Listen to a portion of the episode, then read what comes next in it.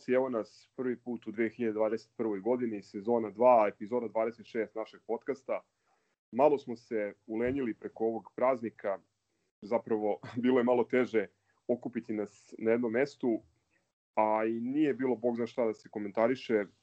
Namučena grobarija je čekala sa zanimanjem ove, i pojačanja u košarci i u futbolu, što se i dalje dešava. Um, umeđu vremenu dve utakmice košarkaša i blamaža broj 4 u ovoj sezoni. Mislim da ćemo tome posvetiti najveći deo ove emisije.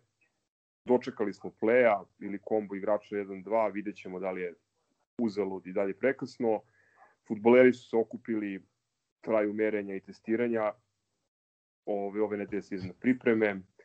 Doveden je još jedan desni bek. Mislim da su to teme za danas. Cevapi. it's good. yeah, man. It's my favorite Serbian food. Lemi, ajde, istražuj, da krenemo od košarke. Ah, Pa, kre, da krenemo od Splita ili da krenemo od, od ovoga juče? Ma da, ajde, bolje možda da krenemo U hronološki kreni Split, mada ja, da budem iskren, se više uopšte ne sećam Splita. Možda neki zbirni utisci, pošto mislim da su utisci i predviđanja mnogo bitniji od same dve utakmice. Ne znam. Pa ajde da krenemo, ajde da krenemo sa Splitom. Ovaj Partizan je uspeo da da sa- da savlada Split Jugoplastiku ili kako se već sada nazivaju. Ovaj na na gostovanju rezultatom Top se 2021. Da, da. 86-74, to je bila prva utakmica Partizana u novoj kalendarskoj godini. Već 1. januara su krenuli na taj put autobusom i dug put. E, Naši košarkaši prilično, da kažemo, oslabljeni. Nisam siguran, mislim da smo igrali sa nekih 8 ili 8, 8 i po igrača u rotaciji. Pff, zašto je to tako? Zašto smo sa onih početnih 15-16 koliko je bilo na pripremama a, dospeli na, na brojku od nekih 8 upotrebljivih igrača na jako bitnom gostovanju, možemo i o tome.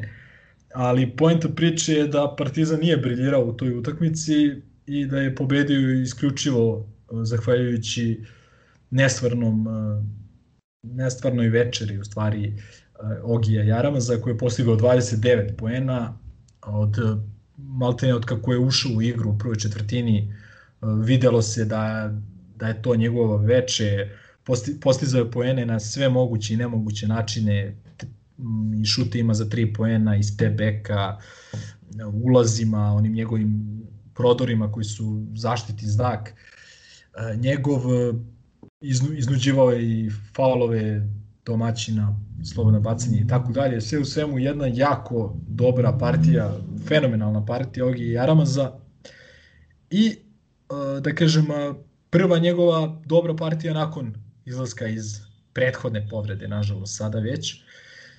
I ovaj čak i ako nismo, da kažem, timski gledano briljirali u toj utakmici, ja sam bio zadovoljan onako i nekom igrom u odbrani i na kraju krajeva i povratkom Jaramaza u formu i činjenicom da Split nije loša ekipa, pogotovo na domaćem terenu, vidjeli smo sinoć da su dobili budućnost, a, namučili su cigane u pioniru i tako dalje, tako da je to bila jedna fina pobjeda onako, kažem, iako nismo daleko od toga da smo briljirali ovaj, i daleko od toga da je to izgledalo dobro u napadu, a, međutim, sačekao nas je borac sinoć, re, lepo si rekao, blamaža broj 4, a, još jedna u nizu utakmica koje ne smeju da ti se dese, to jest sme, smeš da dozvoliš jednu ili eventualno dve utakmice takve u sezoni. I ako ti se već dešavaju, uh, ok je da ti se dese na startu sezone pod plaštom neke neuigranosti i tako dalje, ili ako imaš neku konfornu poziciju na tabeli kao što je na primer budućnost imala juče 9-1 i uh, specifičnu situaciju što se tiče korona virusa u ekipi, u klubu i tako dalje. E, izvini, samo, samo za nas sa Alzheimerom, a, a, š- četiri, znači šta brojimo, dva borca, Burg a, Krku i, i- Burš, i Burš, Tako je. tako. Je. Ne, Hvala. Mislim, Bilo je, bilo je, bilo je tu još poraza koji Bilo je još, da, znamo. u idealnoj nekoj situaciji sezoni ne bi smeli da ti se do, događaju ili načina na koji si izgu, izgubio onih silnih poraza na jednu loptu i tako dalje. Ali kad pričamo o celokupnom nekom utisku od početka do kraja utakmice, od, dakle, od sudijskog podbacivanja pa do ono isteke vremena na kraju četvrte četvrtine, a, te četiri utakmice Partizana pretenduju da budu najgore ne samo u ovoj sezoni, nego možda čak i u pa i u ovoj deceniji koja je iza nas. Ja sam Dakle- ti rekao, kad smo pričali ovaj pre, pre emisije, zapravo ranije danas, da ja ne mogu da se setim sada ovako ovaj, na prvu loptu kada smo imali prethodni put sezonu u kojoj smo imali četiri tako ozbiljna šamara. Praktično u prvoj polovini sezone. Stvarno ne mogu da se setim.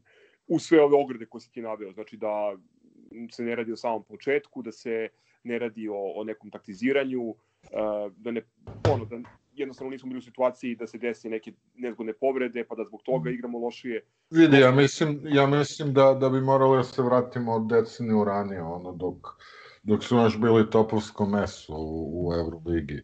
Pa ja sam Da, pomenuo da, da- tom da smo tada. Lemiju, pomenuo sam e, famozni ASL broćeni, ali morali bi da proučimo malo bolje rezultate. U svakom slučaju, e, prvo poluvreme protiv Burga, cela utakmica u novom mestu i činjenica da je borac iz Čač, Čačka, računajući e, par forfe pobedu nad Primorskom, dve od svoje tri pobede ove sezone ostvario protiv nas. Mislim da je to zaista za ozbiljnu, ozbiljnu, ozbiljnu brigu i sramotu ovih ljudi koji vode Partizan i koji igraju, igraju za Partizan. A, jedno je gubiti utakmice protiv timova koji su objektivno jači od tebe, koji imaju 5 do 10 puta veći budžet uh, i tako dalje. Ovaj, uh, ali sasvim drugo je gubiti uh, u novom mestu i dva puta protiv borca na ovaj način. Znači, gubio je Partizan utakmice, pogotovo u Sloveniji. Ono, ne znam da se sećate one utakmice kad smo okrenuli Armani u Milanu uh, 2000, koja je to, 11. valjda godina, uh, kad smo okrenuli onih 20 razlike u poslednjoj četvrtini. I onda smo onda smo na putovanju nazad u Beograd ono stali uh, i odigrali protiv mislim Zlatoroga ovaj koji je bio u tom trenutku poslednji na tabeli u ABA ligi i, ovaj uh, ljudi su nas ono otresli 10-15 razlike rutinski, ali upravo je to moja poenta priče. Dakle, to je bio jedan poraz koji smeš da dopustiš. Dakle, bio si u konformnoj poziciji, bio si prvi, drugi na tabeli, ne znam ni ja, nije se postavljalo pitanje a, da, li, da, li ćeš, da li ćeš ući u playoff i tako dalje. Mi smo sad a, došli u situaciju onim porazima protiv uh, Cigana i protiv uh, Mornara, došli smo u situaciju da nam se opasno ljulja to mesto. I šta smo uradili nakon toga? Izgubili, to jest uh, okrenuli na nemogući način Megu, izgubili od Krke, izgubili od Borca, mučili se protiv Splita, ne znam, ne znam šta da kažem, ne, ne znam odakle da krenem zapravo sa kritikama. Da li da krenem od uh, uprave kluba koja je od uh, odlaska Trinkjerija nije napravila ma ni jedan potez dobar i ne samo da nije napravila ni jedan potez, nego čini se da idu da srljaju iz greške u grešku. Ove, sve što rade čini se da, da se radi samo da bi se reklo da se nešto pokušava, nema tu nikakve jasne strategije. Mala digresija samo. Ovaj, povela se ovaj, hajka na, na internetu oko ovog momka Josha Perkinsa i oko uh, Kenny Goinsa koji, koji neće doći na kraju u ekipu Partizana. Ja bih voleo, iskreno vam kažem, ja bih voleo da imam samopouzdanje ljudi koji tvrde kako su to smešni igrači, kako kako su to krš igrači, kako su to igrači koji nisu dostojni renomea Partizana, a, a da ih nisu pogledali u životu. Znači, Samo mi... da kažem, oni, oni nisu gledali March Madness, tako da nemaju, nemaju pravo komentariš takve igrače. A upravo je to moja poenta. Znači, ja sam gledao te ljude ono, mali milion puta.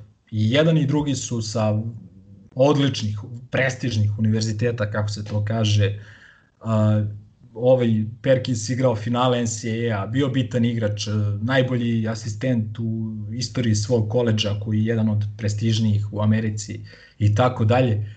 I onda dođe i naš, ubeđujete neko koga nije pogled u životu, razumeš, ko nije ga pogledao ni na YouTube-u i onda priča to je to, propast, ovo ono, Poljska, džabu.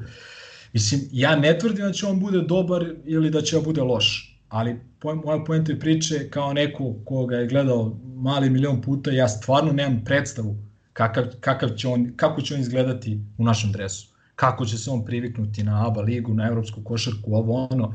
Verovatno postoji razlog zašto je on, da kažem, od finala NCAA-a i...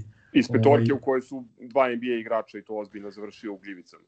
Dobro, da, ali vidi, e, kad, što se tiče tog koleđa, tu u svakoj ekipi imaš nekoliko kategorija igrača. Imaš igrače koji su sigurni NBA igrači, imaš igrače koji su uh, ni, koji nisu za NBA, ali su verovatno za evropsku košarku i imaš u treći treći ovaj rang igrača koji su tu da popunjavaju broj, budući ekonomisti i pravnici i šta ti ja znam, ono, ljudi koji se neće baviti košarkom. Ali meni je recimo Perkins spada u tu kategoriju kao neko ko bi mogao da bude dobar igrač u evropskoj košarci. Ja se potpuno slažem sa tobom. Ja se potpuno slažem što, e, mislim, na, na stranu to što su NCAA pojačanja uvek velika kocka zbog ovih stvari koje si naveo, či pre svega na privikavanje mladi, mladih ljudi iz Amerike na potpuno drugi sistem i života i, i, i sporta i svega drugog. Opet ovaj, ovaj momak dolazi sa ozbiljnim univerzitetskim referencama. E, o tome smo isto dosta pričali. Ajde sad svi pominju ovog Nigela Williamsa Gossa, uh, mada ja mislim da je ovde možda možda bolje poređenje sa, sa Stepom, jer je ovaj čovjek zna i da pogodi. Uh, rekao si da je najbolji asistent u istoriji ovaj, Gonzage, drugi, naj, drugi najbolji kradljevac lopte posle Johna Stocktona, u top 5 šutera trojki. Ok, može da se nađe i isto tako i nekoliko mana ili, ili zamerke, ajde prvo, potpuno si u pravu da, da, da vidimo kako on izgleda u, u, u desu Partizana, kako se uklopi u, u kako će sklopiti ovaj tim, pa da onda donosimo neke uzbiljnije sude. Mislim da zapravo a, te reakcije koje pominješ, one vis, više imaju veze sa nekim revoltom prema načinu na koji se Partizan vodi. A, neću da kažem samo ove godine, već unazad, pa praktično od, od, od odlaska ovaj Duletovog i da su ljudi odavno izgubili strpljenje i živce i da jednostavno sada šta god da se desi e, imaćeš, imaćeš ono krajnje ekstremne reakcije od e, žestoke euforije koje smo i mi nekad skloni.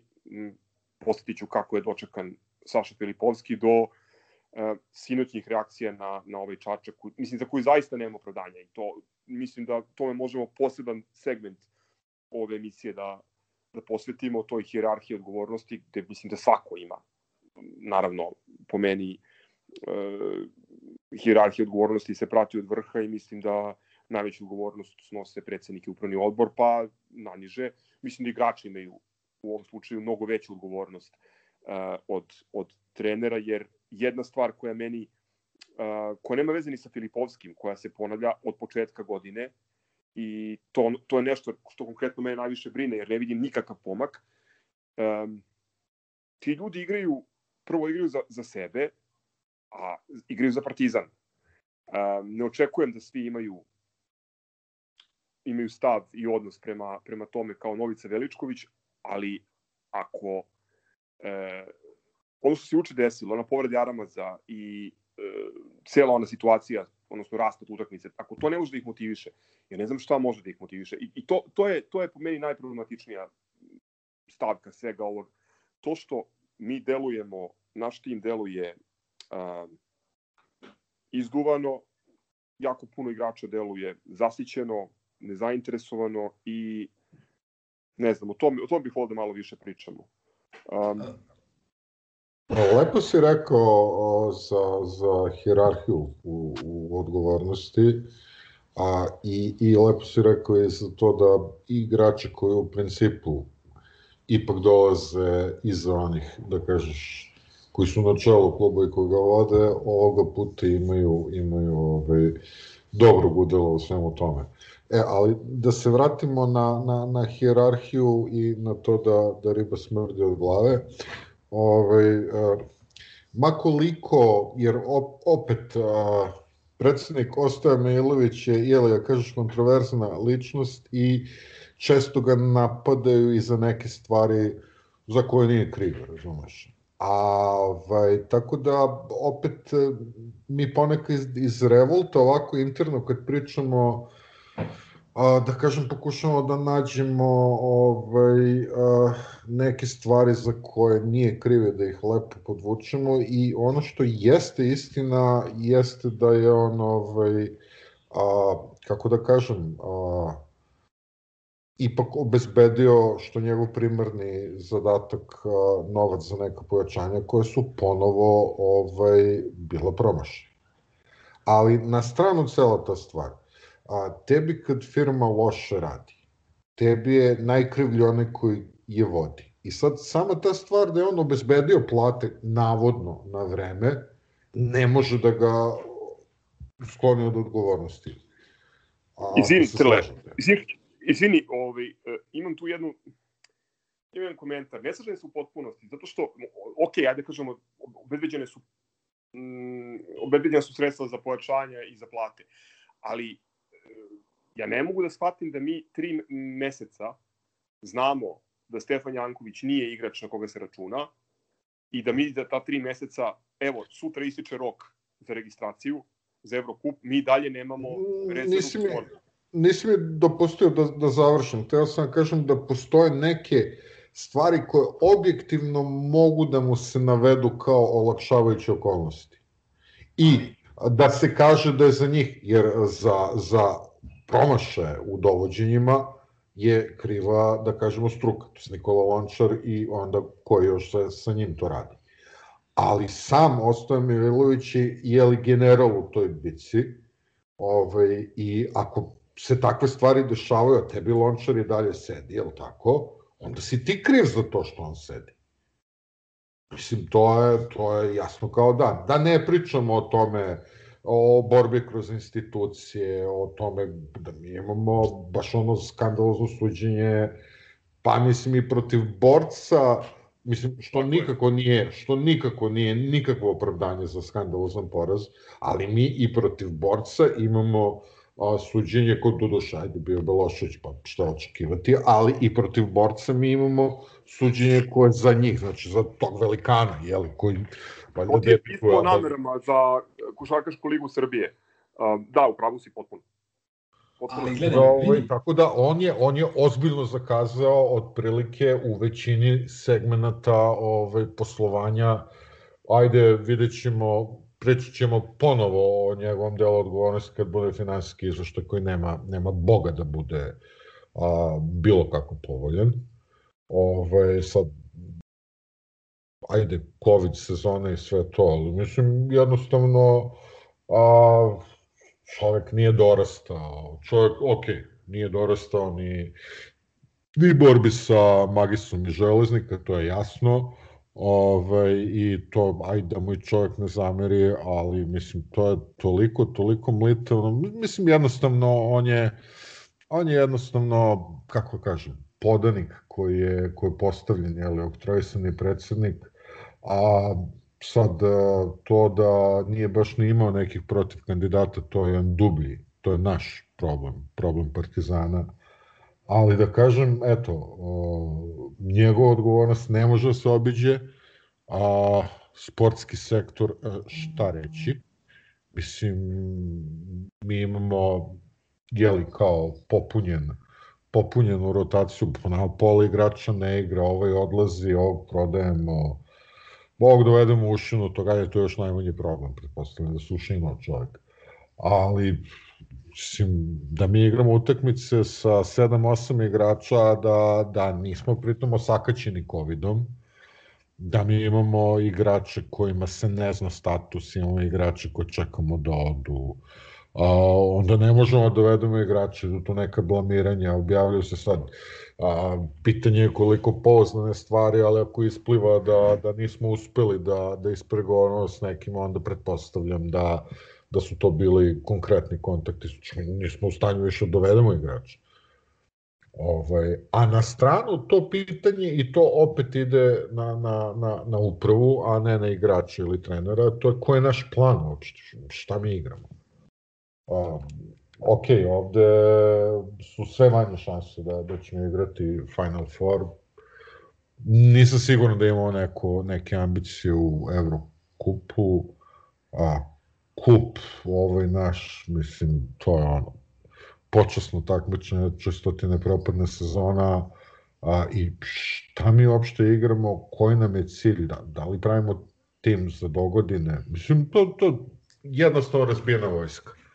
E, a onda dođemo do, do igrača, do nekog stava, mislim, ljudi, ovi isti igrači su igrali e, manje više ovaj tim koji je igrao prošle godine. I ajde, jeste, jeste Žabar stvarno mađioničar, ali ovolika razlika nije moguće. Ovolika razlika, ja ne znam lice da ih vodim ne bi bilo. Šta je problem? Imao si tim prošle godine. Pa da, ali, ali kako, kako je moguće so, da, vidi, i stav si imao prošle godine.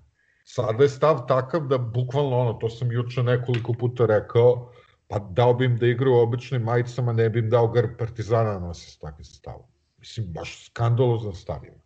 A nije meni, nije meni, meni čak, što je najgore od svega, nije čak ni stav juče, ovaj, da kažem neki govor tela, bio toliko problematičan, osim kod par igrača, koja pa, neću, neću imenovati, ali Pa, znaš šta me najviše boli? Ne, ne, sme, ne sme ti sedi na klupi, idu u svrčanicu odmah. Ne, ne, slušaj, ne, znaš šta me najviše, najviše od svega boli? Što ti vidiš, kad gledaš Partizan, kad gledaš ovih 10, 12 igrača ili 8, koliko ih je bilo u Splitu, ti ne vidiš ni jednog osim Jaramaza, ti ne vidiš ni jednog koji e, pravi neku veliku razliku na, na, čak ni na alba nivou.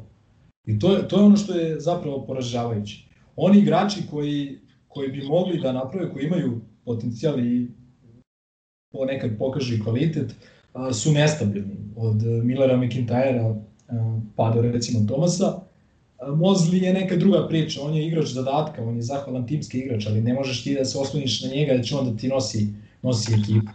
Ovaj, tako je generalno, generalno najgori mi je utisak to što jednostavno ne, ne vidim tu dosta igrača koji ne odskaču kvalitetom, a ti a partiz, Partizanu moraš da imaš bar 3-4 igrača koji, koji upravo to rade. To je broj 1. Znaš šta je, nije, nije balansirano. Ovaj, jednostavno ti, uh, koje su nama napadačke opcije? Vidi, vidi sad. Ti, ti gledaš kako na, na, na, nama Mika daje trojke ili, ovaj, ili Anker otima loptu ovaj, i vodi kontru. Mislim, to, to ti je upravo super. najbolja ilustracija potpune ono koncepcijske ono bezidejnosti i, i, i raspada. To što pa o tome pričam, da.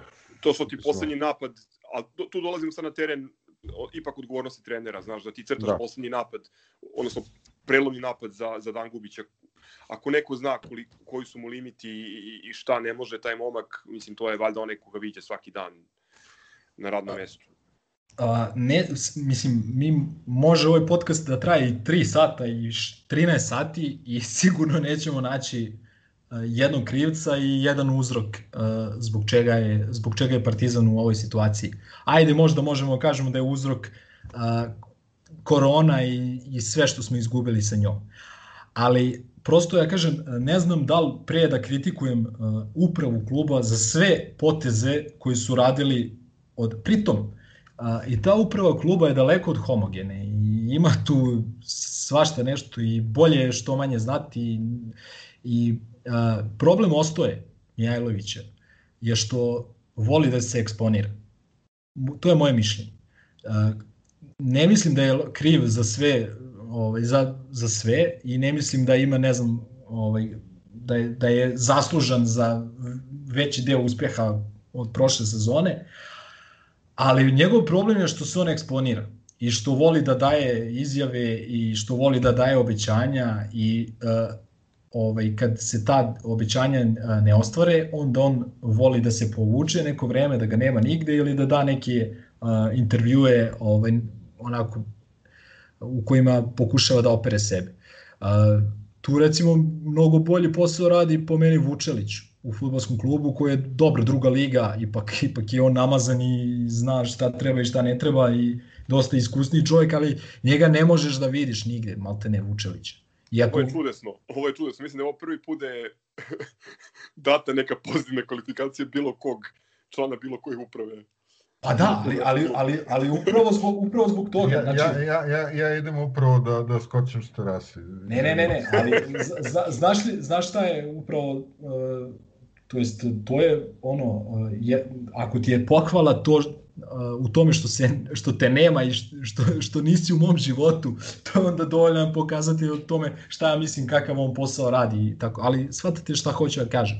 Mislim da je glavni problem Ostoje Mihajlovića a, i zašto ga svi kritikuju, pa i kad se dovodi pojačanje iz Poljske i ne znam ja. A ne, potpuno mi je jasno, zato što kad se dovodi pojačanje, on će da istrči da to objavi na svom Twitter nalogu. Pre... Kad, se, kad se dovodi dobro pojačanje. Tako je. Tako kad se dovodi dobro pojačanje. I kad se potpisuje trener, uh, vrhunski trener, onda se pije kafa u Milanu i, i objavlja slika i to je recimo dobar potez. I ja mislim da to će svi mu reći, bravo, care je doveo si Trinkjerije. Ali opet onda s druge strane, što si ga pustio da ode, tek tako. Ovaj, I što nisi doveo bolju zamenu. Tako da vrtimo se, vrtimo se beskrajno u tim nekim krugovima. Činjenica je u ovom trenutku da veći deo sastava Partizana nije dostojan u ovom trenutku bez neke čvrste ruke i odgovarajućeg znanja i autoriteta trenera. Očigledno nije, nije mesto u Partizanu. Letos je klub pristupio tome tu krizu odlaska Trinkerija su pokušali da reše osim onim tekstovima kako je želeo stan u Beogradu na vodi gde, gde sve ne, ovaj, pokušali su da uh, ovaj to je sramota. Da, da, da. To ali reći, naglasiti da je to to sramno. Mislim to je to je sramno ponašanje. Ka, kako su oni mislili da mislili su ok, kao Vlado Šćepanović radio s njim tri godine. Uh, on radio je Aca Matović dve godine, radio je, ne znam, tu je profesor Koprivica, tu je ovaj, tu je ono i kao ajde, kao nema veze, otišao je on, kao svi ostali su ostali tu. Onda Naravno, čuvena priča o Željku Obradoviću, Duletu Joševiću i Dudi Ivkoviću, trenerima početnicima. A, I onda se postu, agresivno pristupilo tome da se zadrže, zadrže što veći broj igrača iz prošle sezone. A, pa kako bih vam rekao, znaš, nije poenta samo prepisivati od nekoga, znaš. Ne, a vidi, znači... počnemo od toga da, da, da je to potpuno odvojeno od realnosti. Znači, Duda Ivković, to su, to su 70. Od dvojica 80. 90. Danas neće niko trpeti čoveka dve, tri godine na, na, na klopi. I, pa, i pazi, evo, ja, ja javno da kažem, mislim, javno da kažem, ono, pošto bili smo izuzetno kritični ovde ovaj, prema radu Šćepanovića. Ovaj, neka naknada pamet, pa možda nije, nije ni Vlado kriv. Ovaj, mada, naravno da smo... Ne, ima, ima on zašto je kriv i to, to smo pričali da ne ponavljamo ovaj, Mislim, naravno, naravno. Ali, ali, ali ono, ono, ono što ostaje, što smo i onda pričali, što ću sad da ponovim, on nije kriv što je bio tu gde se zatekao, on nije kriv što očigledno nije bio dorastao tome da vodi prvi tim Partizana. Mislim, to nije njegova krivica. Jednostavno tako. Apsolutno, ali, ali, ali Pa ne, vidi se, vidi se, vidi se iz svega priloženog na ovom uzorku od pola sezone da ni, apsolutno ne može da se redukuje problem na, na, na vlad, vlada i, i, i njegovo loše vođenje ekipe. Pa vidi, imaju po dva, po dva, podelili su već on, oni i, i, i Saša Filipovski imaju po, po dva debakla. Dobro, tu postoji za Filipovskog, ajde, ja bih ovaj, i tu temu da, da načnem.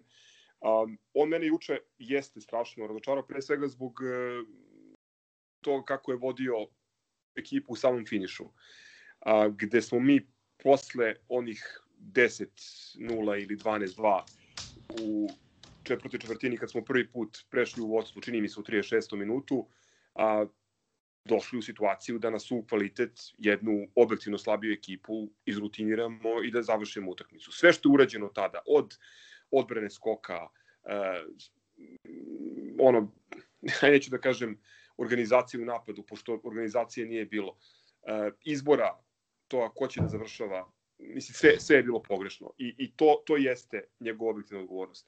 Takođe mislim da je nešto što je Mile pomenuo um, a tiče se, e, tiče se našeg nastupa u Splitu. Nedopustivo je da, da, da završiš u situaciji gde imaš devet igrača samo na klupi. E, nebitno to koliko je protivnik e, slabiji od tebe, u tom, u tom slučaju smo imali čak malog ovog Stefanovića na klupi, ali u civilu. Pa što si ga poveo u Split na put daj mu makar da se skine, pa za ne daj Bože, ovaj, ako, ako ne znam, neko se povredi ili izađe s penalija, makar da imaš ono igrača koji može da, da punjava broj. To, to, mi je, to mi je baš onako šalatanski.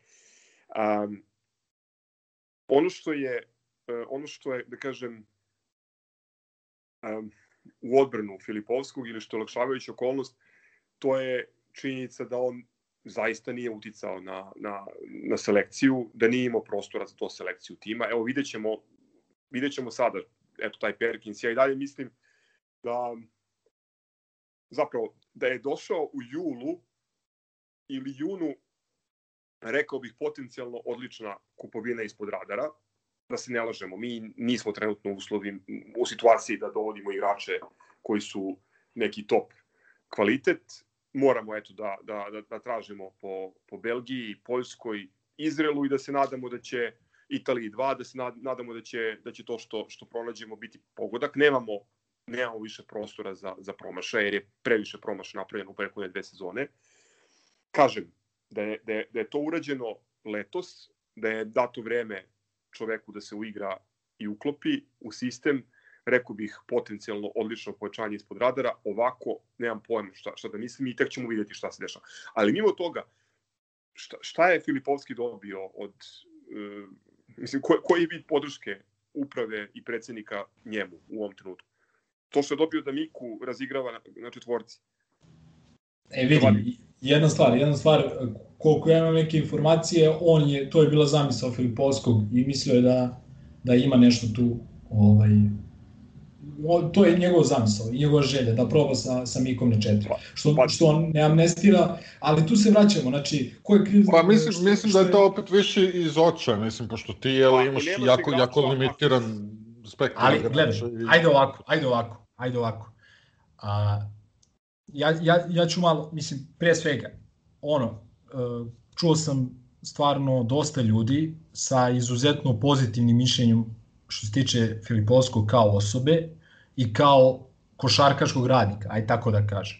Nije nužno, ne znam kakav trener, ali je jako vredan čovek koji dosta radi uh, i koji voli da, da radi s igračima, voli da im unapredi igru i tako dalje, ovaj, te neke detalje voli. Prosto nije onaj trener koji, koji će postaviti asistenta da mu vodi trening, a on ovaj, zamišljati plan utakmice, nego voli čovjek da se pita o dosta tome i da pomogne.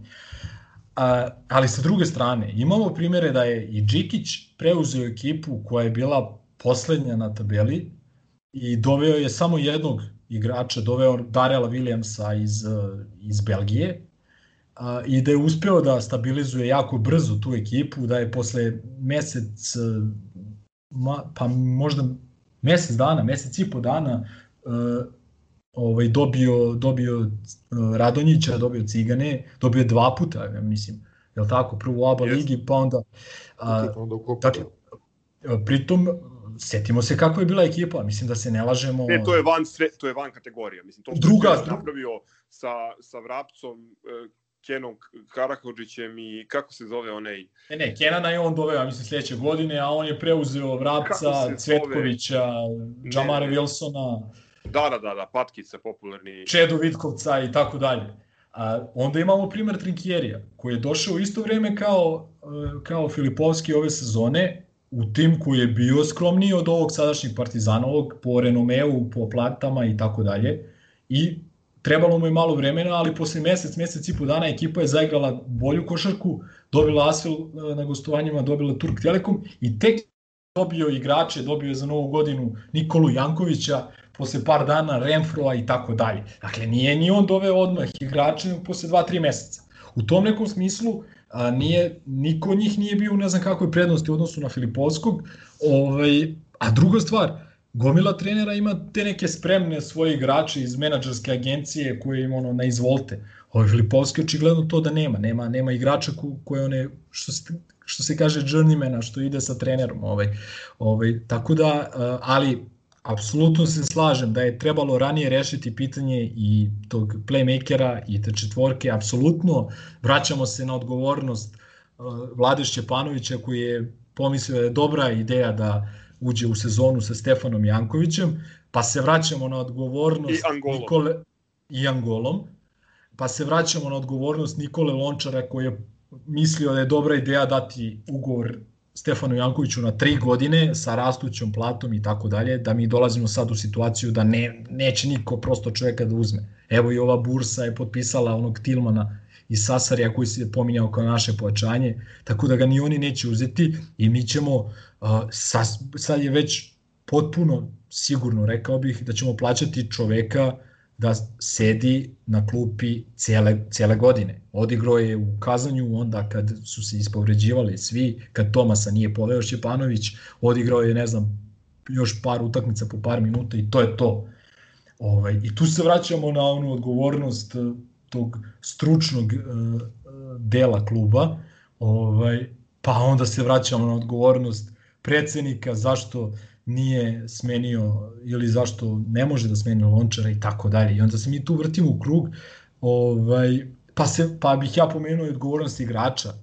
Sve ja razumem i sve je okej. Okay. I, I pritisak igranja u Partizanu i nedostatak publike i to. Ali majstore, da ti dva puta izgubiš u sezoni od Neranđića, Todorovića, Đokovića, Čarapića, pa jer ti nije sramota. Duleta pa, Mitrovića koji nije imao mesta, Miletić da, da, da. imao mesta u, u, u 12 Partizana. Vidi, ja sam igrao uh, pa amatersku košarku, ono, druga liga, zapad, to je četvrta liga, igrao sam, pa i juniorsku košarku kad smo igrali, pa je bilo je sramota izgubiš od nekoga dva puta, a da nije bolje od tebe. Pa čak i kad je bolje od tebe, ti, ti se naložiš, ako izgubiš prvu utakmicu, hoćeš da dokažeš da si bolji od njega u drugom, u drugom duelu i tako dalje. Šta se desi? Mi, nas ono, oduče od košarke, ono, ekipa koja posle toga tri meseca nije mogla da dobije nikoga, oduče nas na košarke na domaćem parketu na startu sezone i ajde, kažeš, start sezone, nisi uigran ovo. Šta, šta se dešava? Dolaziš na drugu utakmicu, posle tri, tri ovaj, meseca, ja očekujem, rekao, sad ćemo prvu četvrtinu da uđemo ono, ono, da, da se vidi krv u očima, da, da skačemo, da otimamo lopte, da presing po celom terenu. Mi, brate, ne možemo 15 pojena damo za četvrtinu. Ovi, š, pustio si da ti se razno skaču ti, a, a ne mogu da shvatim. Ne mogu da shvatim da igrač Partizana dozvoli da izgubi dva puta od borca, uz sav respekt borcu i igračima koji igraju u skladu sa svojim mogućnostima i svakim čast na to. Igraju momci ovaj juče, dade, dade kad treba šut, ovaj, zaboravio sam ko je dao, ovaj, preko Mozlija.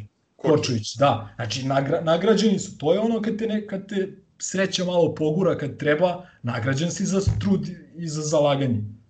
Ja ne mogu da shvatim, ja ne mogu da se pomirim sa time i mislim da ako gledamo jučerašnju utakmicu, moramo da prođemo, pođemo od terena, od odgovornosti samih igrača, pa onda od odgovornosti Filipovskog koji mislim ja stvarno mi je teško ono teško mi je da shvatim ja kažem opet čuo sam dosta lepih stvari o njemu i stvarno deluje kao super čovek i tako dalje ali da izgubiš onako u novom mestu da izgubiš u Francuskoj sa onakvim odlukama u finišu da ovaj, daješ loptu igraču koji se tek vratio iz povrede da napada najbolje odbrambenog igrača protivnika i tako vidiš da ne funkcioniše, ali ti uporno nastavljaš sa time. Pa onda juče odluke... Izvini Mile, ali, to, ali ta konkretna, ta konkretna njegova tvrdoglavost nam se vraća.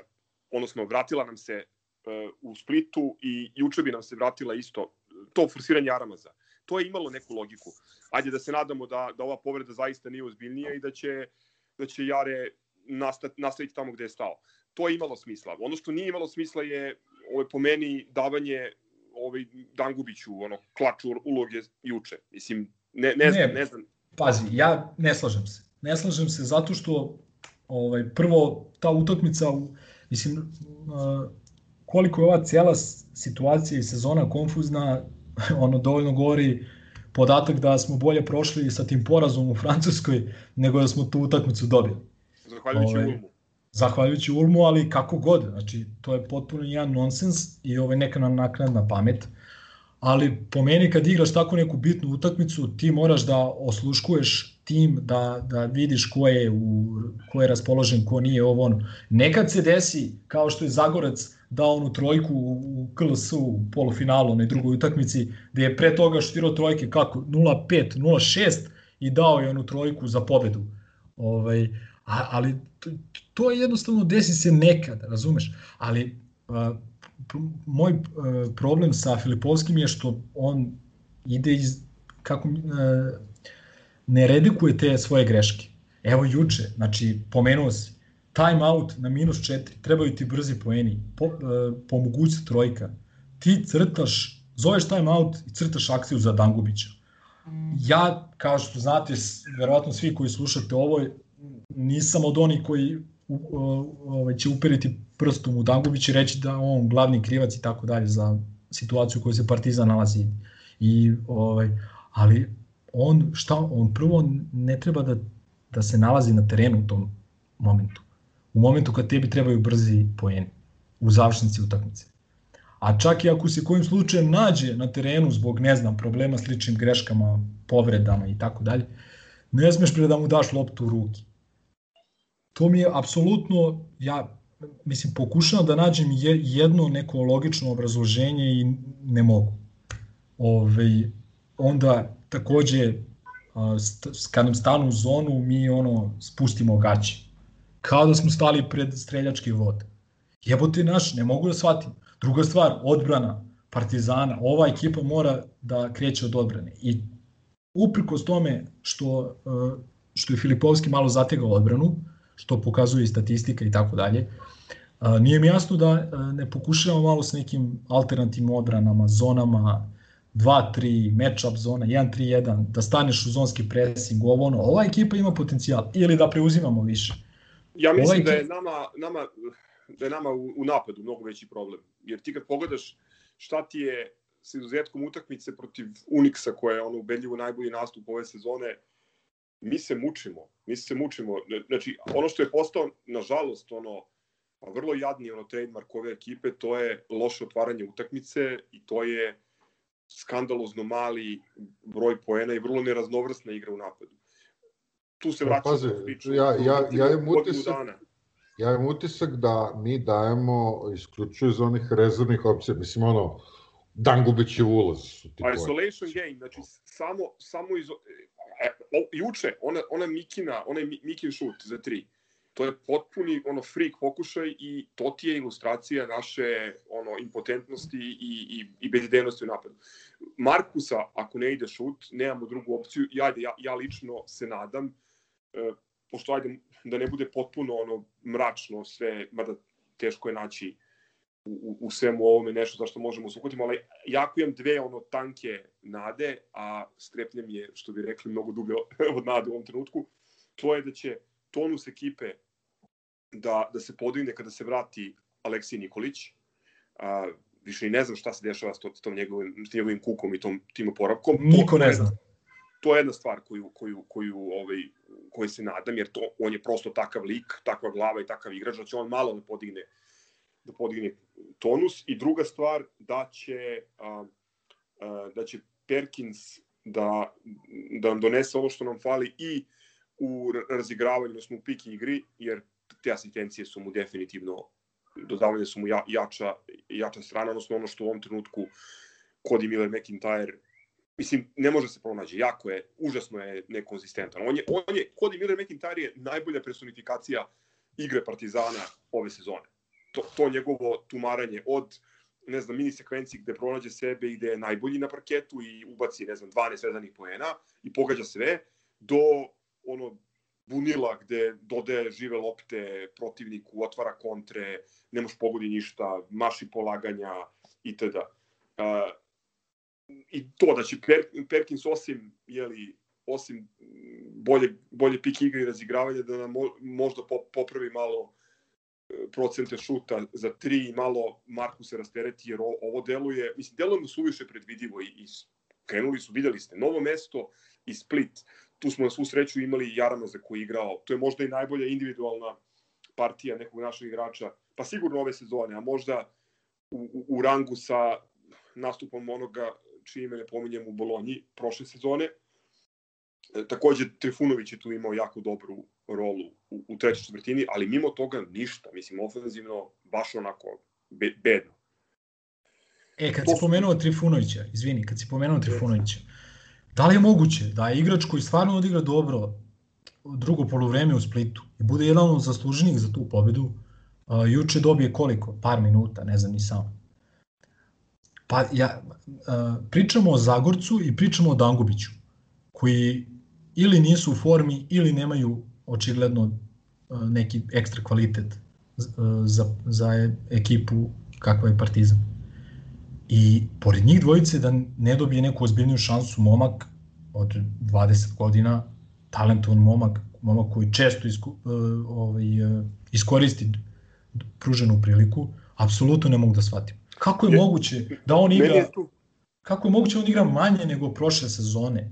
kada, je pro, kada smo prošle sezone uh, igrali mnogo jače, važnije utakmice, igrali na pobedu, igrali pod nekim imperativom, uh, ne znam ni ja. Znači, meni uh, apsolutno I, i, pazi, i plus jasno. imali, I plus imali više igrača. Jedino, jedino objašnjenje kojem pije vodu za ovo juče, slažem se potpuno s tobom da posle Splita je bilo začekivati da će, da će Trifunović da dobija u kontinuitetu veći prostor i to je samo na poziciji 3, nego i videli smo one minijature na 1 i 2 gde, mislim, deluje potpuno kao legitiman igrač Partizana, ali sam čuo da je imao stomačni virus i moguće da je to bio razlog.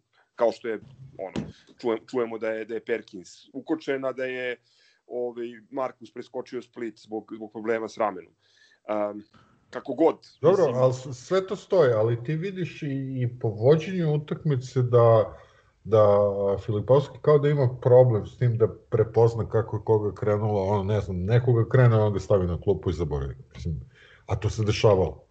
On je, on je, e, da kažem, kroz čitavu karijeru Filipovski imao bolje rezultate kad je imao manju rotaciju. I on je takav trener. Imaš trenere, imaš trenere koji, koji ima više odgovara manje rotacije, imaš trenere kao što je Trinkieri koji voli da ima ovaj, 15 igrača pa da, pa da rotira kako on misli da, Tako da ovaj, u principu to ne treba da iznenađuje što smo mi da kažem i bolje igrali i bolje rezultate pravili baš u situacijama kada su imali neki problema ili sa povredama ili tako nešto. Ovaj, tako da opet još jedan ono ovaj, još jedan ovaj, argument u nizu da li treba uopšte dovoditi sada neku četvorku. Samo mala ispravka gazu, malo pre sam saznao da ovaj deadline za prijavu igrača za Evrokup nije ipak a, ponedeljak, nego je, čini mi se, 28. januar. Mislim da je da je, da je Evrokup dao taj dodatni prostor baš zbog ovih silnih problema i sa povredama i sa uh, koronavirusom, ovaj, tako da izgleda da imamo još neko vremena da dovedemo igrača, ali veliko je pitanje da li, da li, da li je to zapravo pravi potez. Pa očigledno. Na ono pitanje koje je Crk postavio, koje je fundamentalno pitanje, šta je cilj Partizana i u kom pravcu ide. Da, da, da. Znači, uh, vidi, ako dovedeš stranca, uh, on može da ima pravo nastupa u Evrokupu, preostalom delu Evrokupa i u ABA ligi. U ABA ligi si porazom juče, pa ja mislim 90% si izgubio neke realne šanse da se nađeš u play-offu. Što se tiče Evrokupa, takođe ja ne znam koga mi sada dojedemo pa da od ekip da, da nas pretvori u ne znam kakvu ekipu, u ekipu koja je pretendent za, za osvajanje. A, očigledno da Partizan nema i ne samo ove sezone, nego kroz čitavu svoju istoriju, nema para za Kevina Pantera, za Quincyja Millera, za uh, Kinsija ili koga su već sve komšije dovodile u toku sezone da im preokrene ovaj, čitav tok a, sezone, nego smo se uvek, od kad ja pratim Partizan, uvek smo morali da se zadovoljavamo nekim džumićima, a, akojonima, a, i uglavnom nekim kockama koje ti se nekad isplate kao što je bilo u slučaju Lovernja, nekad ti se ne isplate, a, ali u principu nikad nisi doveo igrača za koga bi rekao, e, to je to, to nam je falilo, idemo sad da sve. Znači, ja se sjećam vrlo dobro i nezadovoljstva kad je potpisan Lovern, a u Komšiluk je tada, tada stigao Ali Traore kao reprezentativac Francuske. Sjećam se nezadovoljstva kad je potpisan recimo Slavko Vranješ kao rezervni centar negde pred početak sezone 2008, 9 ili 9, 10, sad se više ne sjećam. Ovaj, u, što, znači, u principu, jako često smo bili nezadovoljni i po pravilu kad god smo bili jako nezadovoljni, pričamo u celini, ovaj, kao navijači Partizana, obično je to dobro prolazilo. Pa evo i Mozli ti je tu dobar primjer. Apsolutno, apsolutno. Ali šta je poenta? Poenta je da nikada nismo imali sredstava da u toku sezone dovedemo neku zverku, ono, ne, neku ubicu, osim recimo Saše Pavlovića koji je došao čovjek da igra ono za kikiriki i ono iz ljubavi. Pa da, pritom i on je došao u nekom lošem fizičkom stanju zato što nije igrao neko vreme i tako dalje, ali poenta priče je da nikad mi nismo dovodili neka zvučna imena, osim recimo u slučaju Gordona, koji čovjek nije igrao dve godine, ono, zbog problema s kolenima i tako dalje. Dakle, mi smo uvek morali da se zadovoljavamo nekim igračima koji su davno prošli svoj zenit ili nekim mladim i da kažem nedokazanim igračima. U tom nekom smislu ovaj, ne znam šta su, šta su ono ljudi očekivali, bilo je tu nekih bajki o Nigelu Williamsu Gossu i Leu Westermanu. Ja pa stvarno vidi, ne znam... ljudi, ljudi su nerealni, znači malo gledaju preko Tarabe, malo su zaboravili gde žive, pa kad vide da ovi prave gde je ekipu, mislim, ljudi, znate, znate za koga navijate, znate u kojoj državi živite, mislim, šta očekujete, jebate. Tu isto klub mora, mora mnogo bolje da komunicira uh, sve te stvari koje radi. Mislim, ne, ne može Partizan da, da, da dopusti da njegova publika saznaje o propasti pregovora sa Gojinsom ili ne znam, već webom trećim i, i tako dalje iz polu i sadarskih informacija iz Lamije i, i, i sa Rodosa. Mislim da je to, to neozbiljno. Ove, ovaj, drugačije se to radi. Tu, tu isto postoji jedna objektivna odgovornost u klubu. Uh, prosto, mislim, jasno je svima to što ti pričaš da nećemo dovesti ne znam, pika iz druge runde drafta, ne možemo da dovedemo igrača iz Euroligije koji je nezadovoljan minutažom, ali ajde da, da, se, da se više radi, manje priča i, i, i spekuliše i da se komuniciraju samo stvari koje su gotove. Taj Gojins, mislim, verovatno, verovatno je bio blizu realizacije, a onda je neko imao potrebu da se pohvali na, na društvenim mrežama i, i na kraju je cijela stvar, cijela stvar propala. E, ima još jedna, još jedna tema koja je, da kažem, povezana, povezana sa ovom, a to je razvoj partizanovih mladih igrača. Osim Trifunovića, nažalost, u ovoj ekipi nema nikoga ko bi upao u tu kategoriju mladog perspektivnog e, igrača na koga može da se računa u, u, u narednih ne znam koliko sezona ili na kraju krajeva od koga bi moglo da se, da se računa neki prihod od transfera. E, paradoksalno Miletić koji je kod nas bio višak nam je ubacio dve trojke uh, juče. Uh, mladost. Mislim, šta se dešava tu? Da li je mladost razvojni, razvojni tim Partizana ili mladost nema nikakve veze s Partizanom? Ja sam danas gledao ovaj, u, u nedostatku drugih interesantnih e, sportova na areni, gledao sam njihovu utakmicu protiv Banovaca i Gr Partizana stoji u onom sportskom centru u Zemunu, međutim, ne znam, niko ne govori da bi mi u tom timu mogli da pronađemo možda neku dopunu za, za, za naš prvi tim. To je dobro pitanje i to je pitanje na koje bi neko u klubu apsolutno morao sad već da odgovori. Pod broj 1, da li, da li postoji zvanično ta saradnja? Pod broj 2, da li Partizan uh, daje određeni novac mladosti? I pod broj 3, uh, da li Partizan može u svakom trenutku da povuče određen igrača, da, to jest da li da li, da li su svi igrači uh, mladosti u tom nekom pravnom statusu da prvo mogu da odu u Partizan po ostale klubove, kao što je slučaj sa FNP-om 1 i 2, i da li Partizan može u svakom trenutku da povuče igrača koji mu se učini interesantnim i da kažem sazrelim za neki viši nivo košarke da kao dopunu svom postojećem sastavu. Na to bi neko morao da morao da ovaj odgovori jer meni se čini da postoji pre svega jedan ili dva igrača mladosti koji u ovom trenutku mogu da igraju ABA ligu i koji bi nam možda legli. Ne, ne mogu da kažem sa sigurnošću, ali možda bi se moglo nešto pokušati sa tim. Pod broj 2, ako postoji to i ako su procenili da ti igrači ili da ni jedan od tih igrača u ovom trenutku nema mesta u Partizanu, zašto više naših klinaca ne dobija priliku tamo?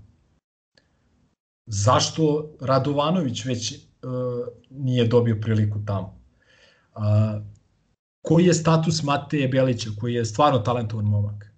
Da li je on Jakovljevićeva kombinacija koju će on ovaj, povlačiti gde on bude trener i gde bude imao nekog ovaj, ne, gde bude imao koristi ili je on igrač koji je zapravo partizanov igrač pošto je očigledno on najtalentovaniji igrač u, trenutno u ekipi mladosti i najmlađi na kraju krajeva. A, to je jako dobro pitanje, dakle, kažem, voleo bi da neko odgovori koja je svrha da imaš razvojni tim iz koga ne možeš da povlačiš igrače i u koga ne možeš da pošalje svoje klince da ih, da ih razigravaš. Znači, to je, to, to je po meni ono potpuno jedan ono nonsens i budalaština. I mislim na kraju krajeva možda su i, i odvojeni, možda, možda, to, možda to više i nema nikakve veze jedni sa drugima, ali mislim da navijači Partizana zaslu, zaslužuju odgovor. Pa dobro, ako nema veze, da, upravo to. Ako nema veze Partizan i mladost, ono treba reći, ima da kažem ti, video sam Partizanov grb dominira ovi na, na, na zidu iz jednog koša i isto tako znamo da recimo Drešel ima, ako se ne varam, trugodišnji ugovor aktualno da. sa Partizanom, ne sa Koljevićem ili ne znam sa kim, tako da da, vrlo, vrlo, ovaj, vrlo, vrlo bitno pitanje, jer, jer ako nema novca za, za pojačanja ili ne znam, ako se planira neki polu restart, onda ajde da vidimo ko su ti mladi igrači na koje može da se računa u famoznoj sledećoj sezoni. Da, pa da oni dobiju neke minute makar u KLS-u, gde, gde ćeš imati Vidi, mi da, sad, im, mi, ali, mi sad imamo šest stranaca. Mi sad imamo, izvini, mi sad imamo, mislim, jel šest? Ja mislim da imamo šest stranaca. I pominje se ta famozna četvorka koja će 90% ako dođe biti stranac. KLS i KUP neće moći da igraju zašto, mislim, sad si doveden u situaciju da, onaj, što kažu englezi, panic buy, znači da panično dovodiš igrača, nedokazanog igrača iz Grčke lige ili iz Izraelske lige ili ne znam ja, odakle, da plaćaš obe, obeštećenje za njega, zbog čega? Zbog još desetak utakmica koje će taj igrač imati prilike da igra ove sezone. A znači, imaš primer, imaš ono sveži bolan primer Branan Gole koga si doveo na sličan način Jest, i ispljuvaše kao pogrešio Trinkieri, to je Trinkierijeva kombinacija, to, to. Pa što ste ga produžili letos? Razumeš? I onda Šćepanović izađe sa intervjuom kao nis, nisam ja kriv ni za što. Pa ti si care odlučio i za Jankovića i za Angolu. Mislim, opet sam se iznervirao, ali ljud sam trenutno na sve što se, što se dešava. Ono... Evo da budeš još više ljud, pogledaj aktualne statistike Brana Angole u Izraelu i... Da. Mislim, Pa dobro, čovjek je od prilika dobio priliku maša peškirom, to je, to je sve što mu je pruženo ove cele sezone. Tako da je za očekivati. Ne, hteo sam da, da dodam da opet se vraćaju na pitanje koji nam je cilj, da li nam treba četvorka, mislim zašto, za, za ovaj kup koji nam je jedino prosperitetno takmičenje u smislu da imamo neke šanse da ga uzmemo, a ne može da igra tamo, verovatno. A, I da, znači, taj transparentnost poslovanja gde mi nemamo pojma koji je status mladosti, a, nemamo pojma ni, ni koji je budžet, ni koji su ciljevi, ni šta je. Saznajemo sa, a, sa insajderskih a, a, portala i profila vesti o, o tome sa kim Partizan zaista pregovara. Mislim, dobro, ljudi, stvarno, kao, kao pijena lađa. Dakle, niko ne govori otvorno o ovim ciframa, ja nemam šta da krijem, ovo je udruženje građana i ovo je zajednički timski rad, e, niko ovde ništa ne krade, nego prosto mi e, smo napravili dobre i kvalitetne rezultate, a u Srbiji se sve prašta iz uspeha. Eto, pošto smo se izmračili i, i poželili jedni drugima, došli smo i do siromašnog, a ove, ipak nestrpljivo očekivanog futbolskog segmenta. Futboleri su se okupili u teleoptiku pre dva dana, traju merenja i testiranja. Navodno će biti provođene vrlo rigorozne mere protiv onih igrača koji su se vratili e, sa pojačanim strukom e, na, na pripreme. E, spisak e, koji smo videli je, sadrži 36 igrača. Tih 36 igrača radi u ovom prvom delu. Nisam siguran da će svi ići na pripreme u Tursku. U Tursku se putuje 15. i pripreme će trajati do 29. januara. Tokom priprema u Beleku ćemo odigrati pet pripremnih utakmica. Nisam siguran da su sve fiksirane, no što znam sa sigurnošću da je Šahtjor Soligorsk prvi protivnik i navodno će biti prenos na, na Areni Sport. Inače, Šahtjor za, za ovaj, on, da kažem, pažljivije statističare, to je onaj klub koji je, ajde što je uzeo ovaj, Belorusku ligu, nego klub koji je ispao od eh, Sfintu Sem Georgija pre našeg susreta s Moldavcima, tako izgleda da je suđeno da se, da se ovaj, susretnemo. Uh, ono što je dobra vest, uh, nećemo igrati protiv Rumuna, a verovatno ni protiv Poljaka. Tako da ovaj, verovatno uh, verovatno ono u klubu računaju da, da neće biti povreda. Uh, ostaje otvoreno pitanje da li će pre odlaska u Tursku, nije ostalo baš puno vremena, da li će stići um, drugi napadač, pošto je to um, pojačanje na kome se navodno radi.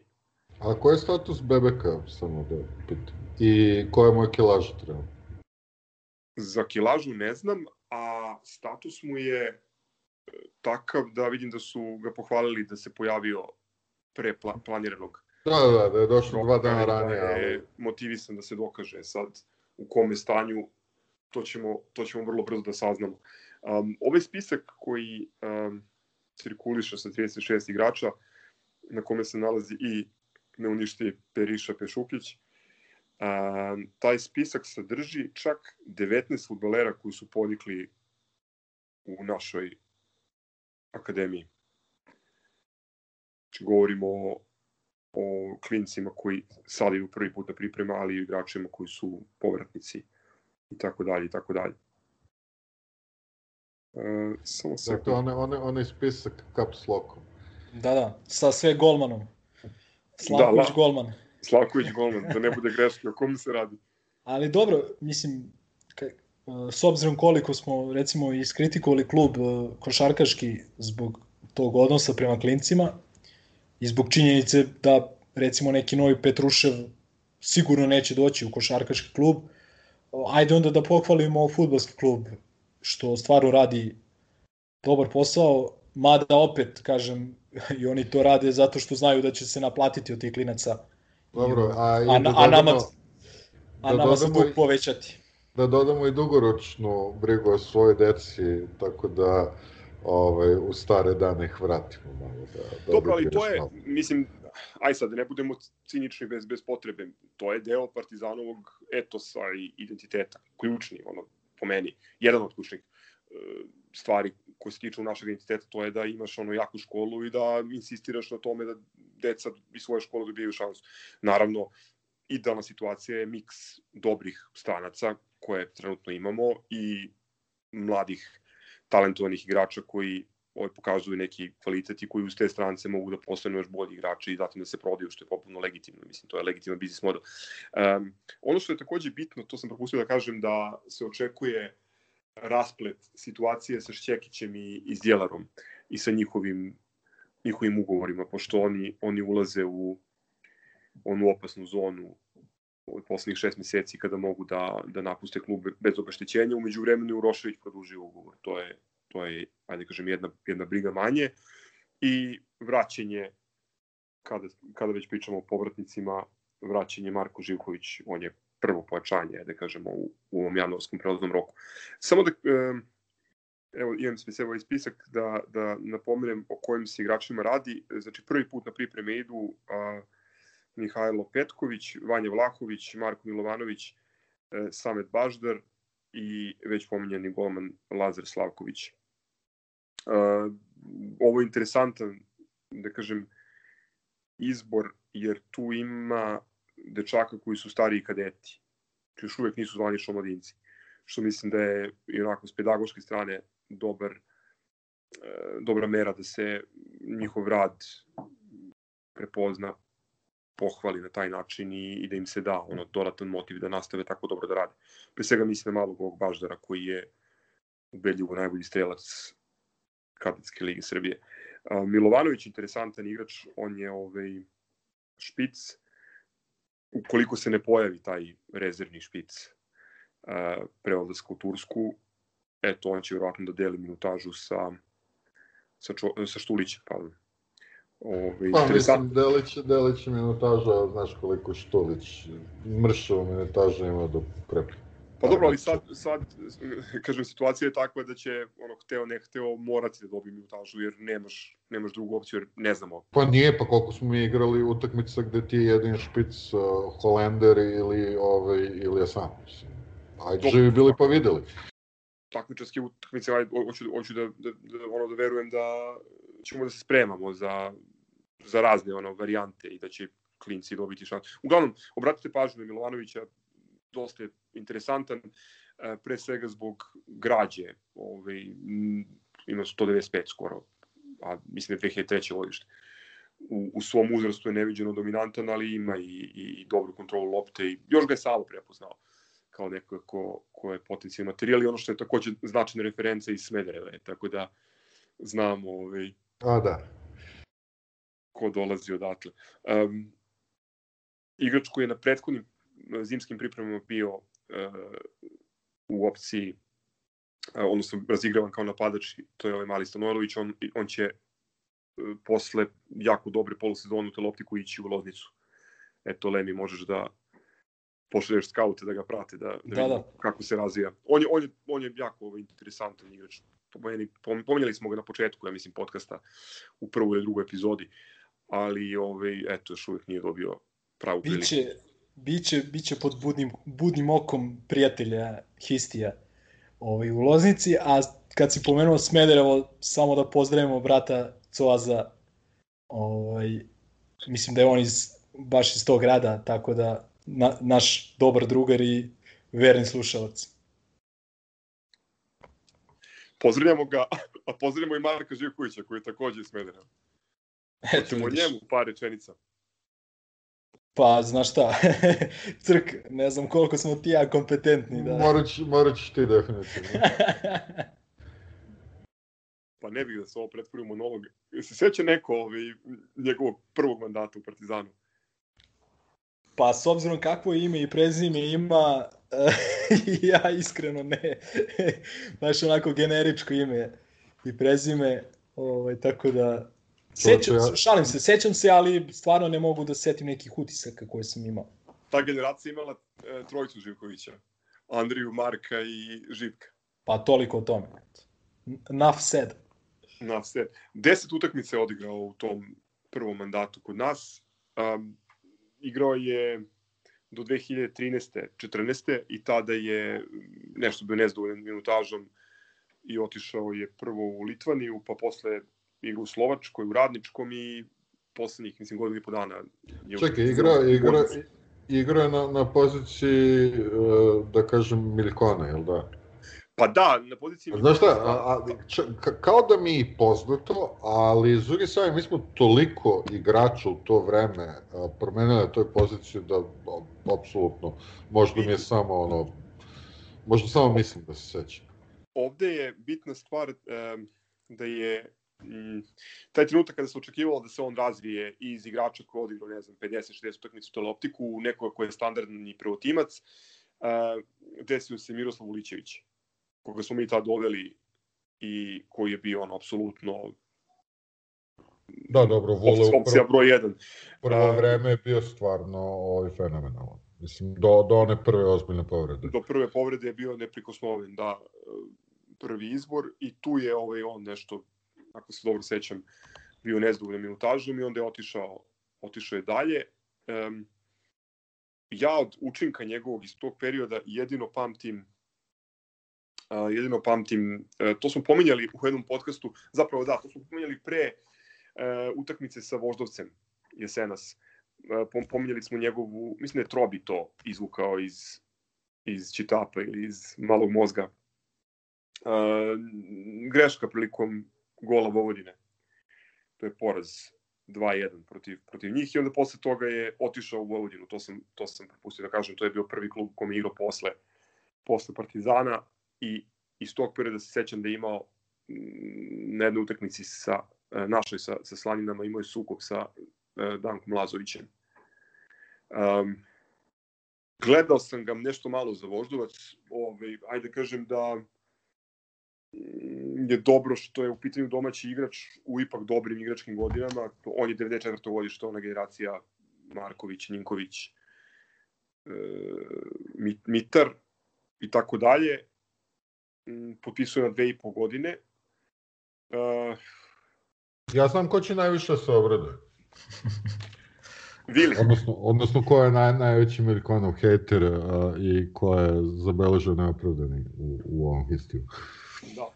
Pa mislim da, da ofenzivno će doneti bolji centar šut. Um, Ma nemoguće. ja ne verujem u to. Dok ne vidim... Vidi sad, bez, bez šale, ovaj, prepoznatljiv je po, po tim nekim prizemnim loptama, ovaj, onako poprečnim koje, koje šalje dosta oštrim. Nije ni to neki sjajan centar šut, ali je definitivno um, deluje artikulisanije od ovoga što, što smo gledali. Miljko je imao asistenciju iz Nehata, vi vidite. I to za, i to za ono pobedonosni gol. Da. I, to, da. i, to, I to špicem. Ne znam, ne znam koliko može da donese, ne znam, prvo ne znam koliko je spreman. Bila ona jedna fotografija ovaj, gde onako deluje dosta opušteno. Um, Bucili. Bajbek, bebek, bešebek. A ne znam koliko je spreman i vidjet ćemo, mislim nije ista stvar igrati za Dunajsku sredu, Suduvu i, i Voždovac za Partizan. Vidjet ćemo to defanzivno kako će da pokrije. Ali po meni to, igrač u ipak dobrim godinama, domaći igrač i eto, na poziciji na kojoj nismo baš... I da kažemo desni bek za Boga, koliko... Da, da. Koliko, to je, to je interesantno. Uh, ono što meni govori da se na njega ozbiljno računa, to je um, ovaj spisak na kome, eto, pored neuništivo Periše Pešukića nema nema mladog desnog beka, tako da znači da, da se na njega računa i da će on biti u ozbiljnoj konkurenciji za tim. Pa mislim, mi smo pokazali da se računa i na igrače na koje smo i zaboravili. Ovaj, poput Vujačića koji odjednom postade maltene ovaj, Pazi, a sve to počelo polako. Prvo Vujačić bio na klupi, onda odjednom bio starter, A onda sledeća utakmica Periša bio na klopi, ali koliko se sećam Periša nije dobacio od toga doći. No, to je to je domino efekat, znaš, ovaj, ovaj, ali mislim ja sam iskreno očekivao malo veću aktivnost. Sad pominjao sam već onu stanuje u izjavu uh, kako želi kompletan tim i sva pojačanja do početka priprema i tako dalje. Ovaj... A ne, vidi, i tu se postavlja pitanje ono, datim, kome čemu, mislim, šta sad, da dovedemo par ono, skupih stranih igrača koje i onako ne možemo da, da uklopimo sa već ovim našim koji imamo i gde jedan ispada, a mada sam negde pročitao kako ovaj doktor Tvorzan ovaj kuka da, da, da se doda još jedan stranac. Ovaj, ne, ne. Da ne, nisam, nisam mislio bar ovaj ne, ono, ono što više... da kažem, ja ne očekujem da ćemo mi sad, bog zna koga dovesti u ovom. Ali, ali bi mogli da rešimo status, recimo, Zjelara i, i Šćekića. Ovaj, na ne, primjer. to svakako, to ako ne potpišu i idem da se opašem dinamitom i da popričam tamo. Pa da, to ti da pričam. Mislim, to je mislim... najbitnija stvar. Druga najbitnija stvar je napadač i treća uh, stvar je uh, šta se dešava sa sumom. Bilo je tu raznih priča, ne znam, po meni to je najkvalitetniji igrač u, u našem timu, igrač koji pravi razliku i ne bih voleo da, da, da napusti Partizan. Ukoliko se to ipak desi, e, mora sada da se nađe zamena za njega. Zamena koja će da to, se... To pričam. To pričam. Ovaj, ako ne moramo da dovodimo nikoga, ali bar da smo sigurni da je to tim koji će 15. 20. ili kog februara počne drugi deo sezone ili kad već počinje, ne znam ja, ovaj, da će taj tim da istrči na teren. A nešto mi se čini da ćemo opet biti u situaciji da ne, da ovaj neće produžiti ugovor ili da ćemo prodati Al Nasaru sumu u smira i prelaznog roka, pa onda ono, dovoditi nešto isto ono panično kao sada u košarci. Tako da... Ah, dozvolite mi, Partizan dozvolite mi, da, da, da će baš sam, tako biti. Pa hteo da. sam baš da, da parafraziram ovog velikog futbolskog stratega i štitara, a mi smo Partizan, tako da kod nas se to nikad ne zna. Znači, možete ode igrač, ono, vratio se sa, sa priprema, odigrao si prvo kolo, ode, ode ti igrač. Mislim, to je, jebi ga. Ali to, razumeš, uh, mi smo i tog sumu, setite se onih peripetija, da li ćemo ga dovesti, hoće, neće, ovo, ono, na kraju ti dođe igrač koji ne može da igra u pa malte ni u utakmici sezone u tom momentu protiv ono Olimpijakosa, nije dovoljno spreman.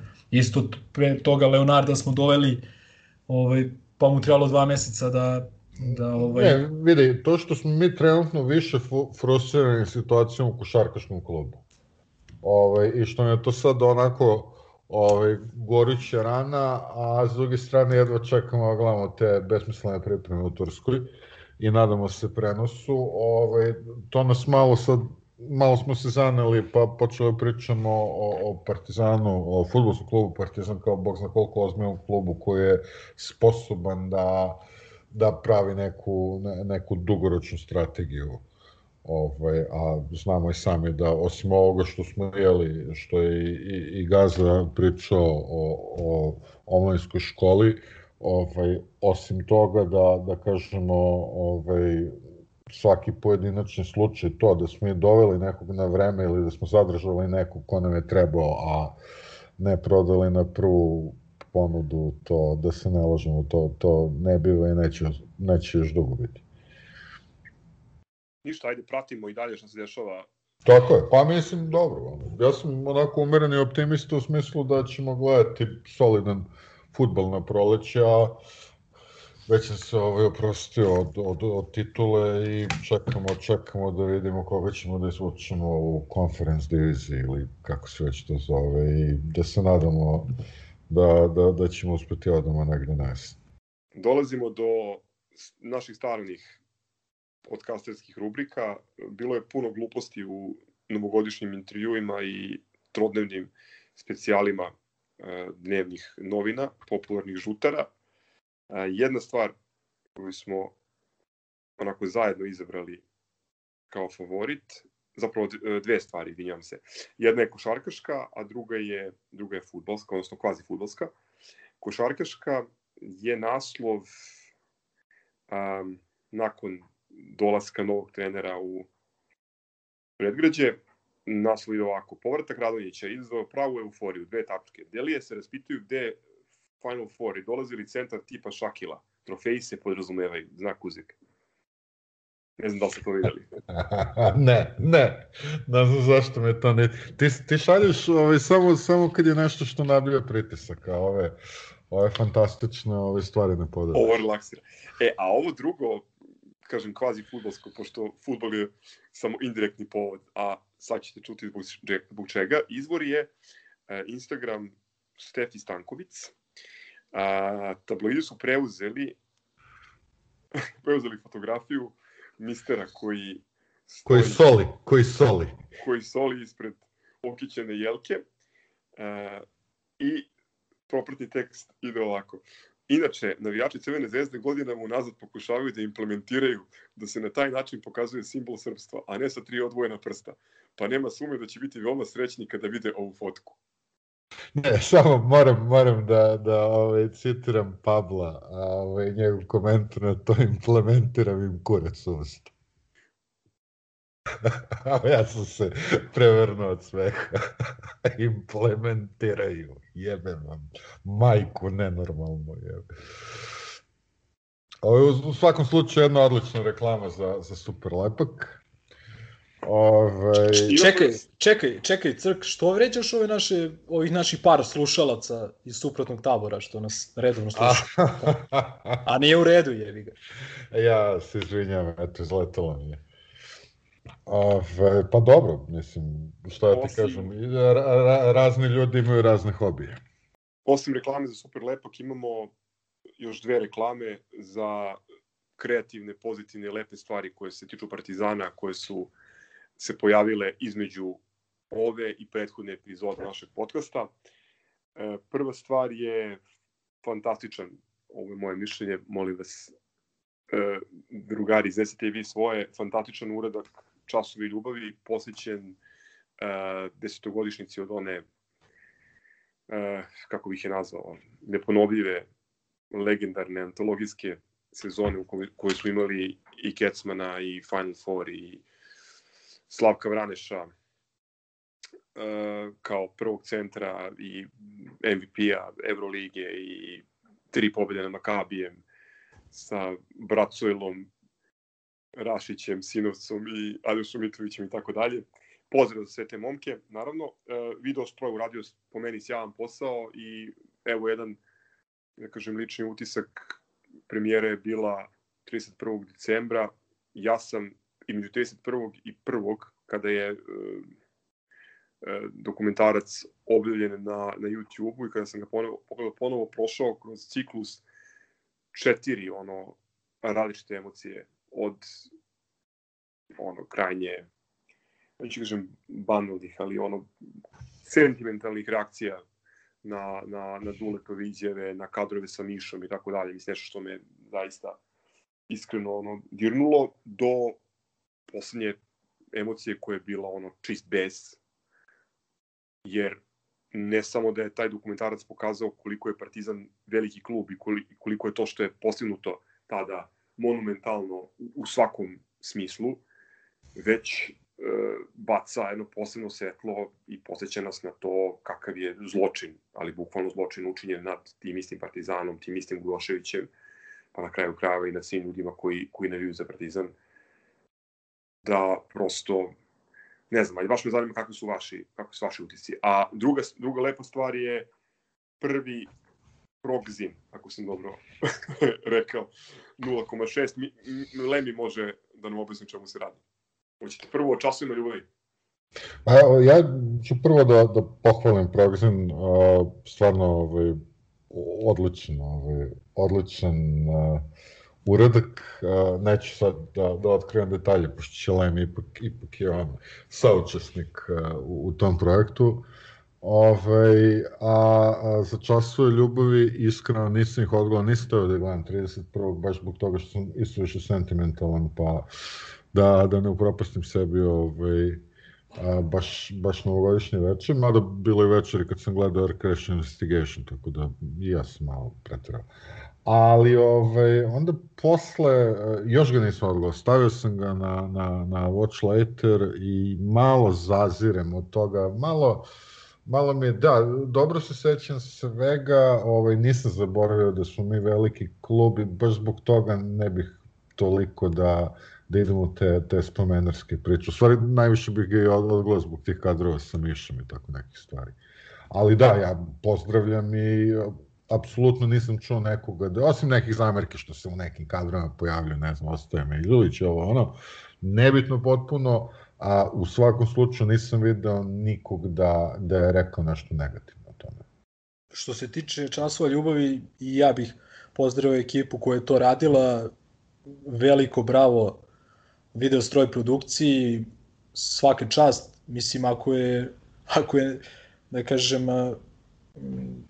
ako je umetnost nešto što ti, kako se zove, tera suze na oči ili, ili tu neku mešavinu raznih vrsta osjećaja koje, koje si pom- pominjao od neke sreće, radosti do tuge i besa, onda je ovo stvarno umetničko delo, a i cijela ta sezona Partizana i taj rad Duška Voševića mogao bi da se podvede pod neku vrstu umetnosti. Meni je samo žao, mislim, i to nije nikakva primetba, zato što mislim da je i dužina optimalna da ti drži pažnju i da bude onako i dinamična i tako dalje, ali dosta toga je i zaboravljeno i to jest nije zaboravljeno, nego možda izostavljeno poput one pobede protiv Olimpijakosa, pa onda onaj šut Kecmana protiv Efesa za pobedu i tako dalje i tako dalje, ali kažem opet za tu sezonu Partizana ovaj mislim da čak i onaj Last Dance o Jordanu i 10 epizoda bi bilo malo. Ovaj stvarno koliko tu ima i lepih priča i anegdota i i tako dalje i isto šta bih možda da sam ja recimo radio ovaj ili da sam bio ono da kažem uh, sagovornik Kolegijumu. Da, da, da. Malo bih više isticao koliko su druge ekipe i naši protivnici bili zapravo jaki te sezone.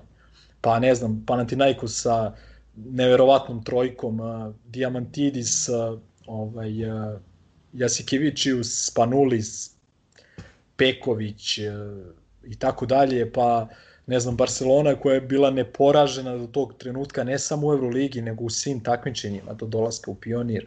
Pa ne znam koliko je upravo taj Olimpijakos, a, mislim da su te sezone potrošili više para nego u onim sezonama kada su osvojili Euroligu posle dve, tri godine posle toga. Lin, uh, Linas Klejza, pa onda ovaj Patrick Beverly koji čovjek igra playoff NBA lige 10 godina redovno nakon toga i tako dalje. Znači, to je stvarno pa jedna od najboljih evroligaških uh, sezona u celosti, rekao bih po imenima koji su tada bili i mislim da se to dovoljno ne potencira. Mada opet, što kaže Crk, mi smo veliki klub i što reče naš drug Rašika, uh, mnogo mi je simpatično što se cigani pojavljuju samo jednom u toku celog filma i to onda kad nam daju koš od tablu za pobedu. Znači, to dovoljno govori koliko su oni zapravo i nebitni košarkaški u, u ovaj, koliko su oni u senci, senci Partizana i stvarno ovaj, nije im ni mesto, mesto tu. A, sve u svemu jedno, jedno fantastično, fantastično a, delo, sat i 15 traje, a, preporučujem svima da pogledaju, m, mnogi će se i rasplakati i to je sasvim u redu, mnogi muškarci će Neki su muškarci od dece da ih ne vide. Da, da, neki će onako uh, razdraženi od, o, ovaj, dočekati novu godinu i tako dalje, ali nema veze, znači sve to, to je partizan i, i, i radost i tuga i lepo i ružno i, i koš Kecmana u Zagrebu i uh, koš Childressa u Parizu, tako da sve je to okej. Okay. Što se tiče Progzina, ili što reče naš drug Lovrić kao da je neki lek u pitanju, ovaj, e, šta je zapravo Progzin? Progzin se zove 06, to je zvanično ime, a Progzin je igra, da kažem, anagram ili kako se to već zove, a, program plus fanzin. Dakle, a, to je zamišljeno kao jedno štivo, propratno štivo koji će ići uz evropske utakmice Partizana a, košarkaške. Ovaj, pošto jeli, malo više se mi koji pišemo razumemo u košarku nego u futbol. Ja, e, ovaj, recimo Gazo, vi ste, vi ste radili pred Manchester e, zajedno sa Acom, s Grom i tako dalje. Mislim da klub kao što je Partizan i u futbalu i u košarci zaslužuje nešto, nešto ovako. To je pr program, to je nešto što je, da kažem, praksa kod svih klubova u Evropi, pre svega futbalskih, ali u poslednje vreme i košarkač, košarkačkih, ko ne zna, to je, da kažem, jedan časopis, ajde tako da se izrazim, a, ovaj, koji, koji predstavlja protivnika u toj utakmici Partizana i bavi se nekim temama, da kažem, koje su, a, koje su aktuelne u tom momentu. Što se tiče ovog časopisa, to je Progzina 06, a, odnosno 06 sekundi, kako je puno ime, A, prvi broj a, Trento, što se tiče sadržaja, tu je re, rekapitulacija regularnog dela sezone, odnosno Evrokupa, zatim ide predstavljanje Trenta što se tiče njihove istorije, pa zatim i sadašnjeg tima i dosadašnjeg dela sezone. Imamo osvrt na dosadašnje duele sa tim protivnikom, a bilo ih je, boga mi, prethodnih par sezona. Imamo priču sa naše gostovanje Trentu, ovaj, na, na kome smo bili sva trojica prisutnih u ovom podcastu. Da, i to ovaj- malo, i to malo ovaj, u ovoj COVID godini, ovaj, to je COVID godina, i to malo natura suze na oči. A šta ćeš? Popili smo pivo sa Saletom Đorđevićem. Ako Tako. ništa drugo. Nismo se vratili sa bodovima, ali vratili smo se sa, sa ovaj, popijenim pićem sa Saletom Đorđevićem, tako da i to je nešto.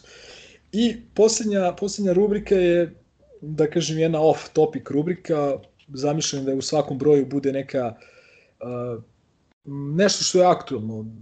Ovaj, tu je neka će biti kritički osvrt na određenu situaciju ili rešenje, neka će možda bude neka pohvala. U ovom slučaju malo smo se bavili Stefanom Jankovićem i tom enigmom koja predstavlja njegovo zadržavanje pre svega ove sezone.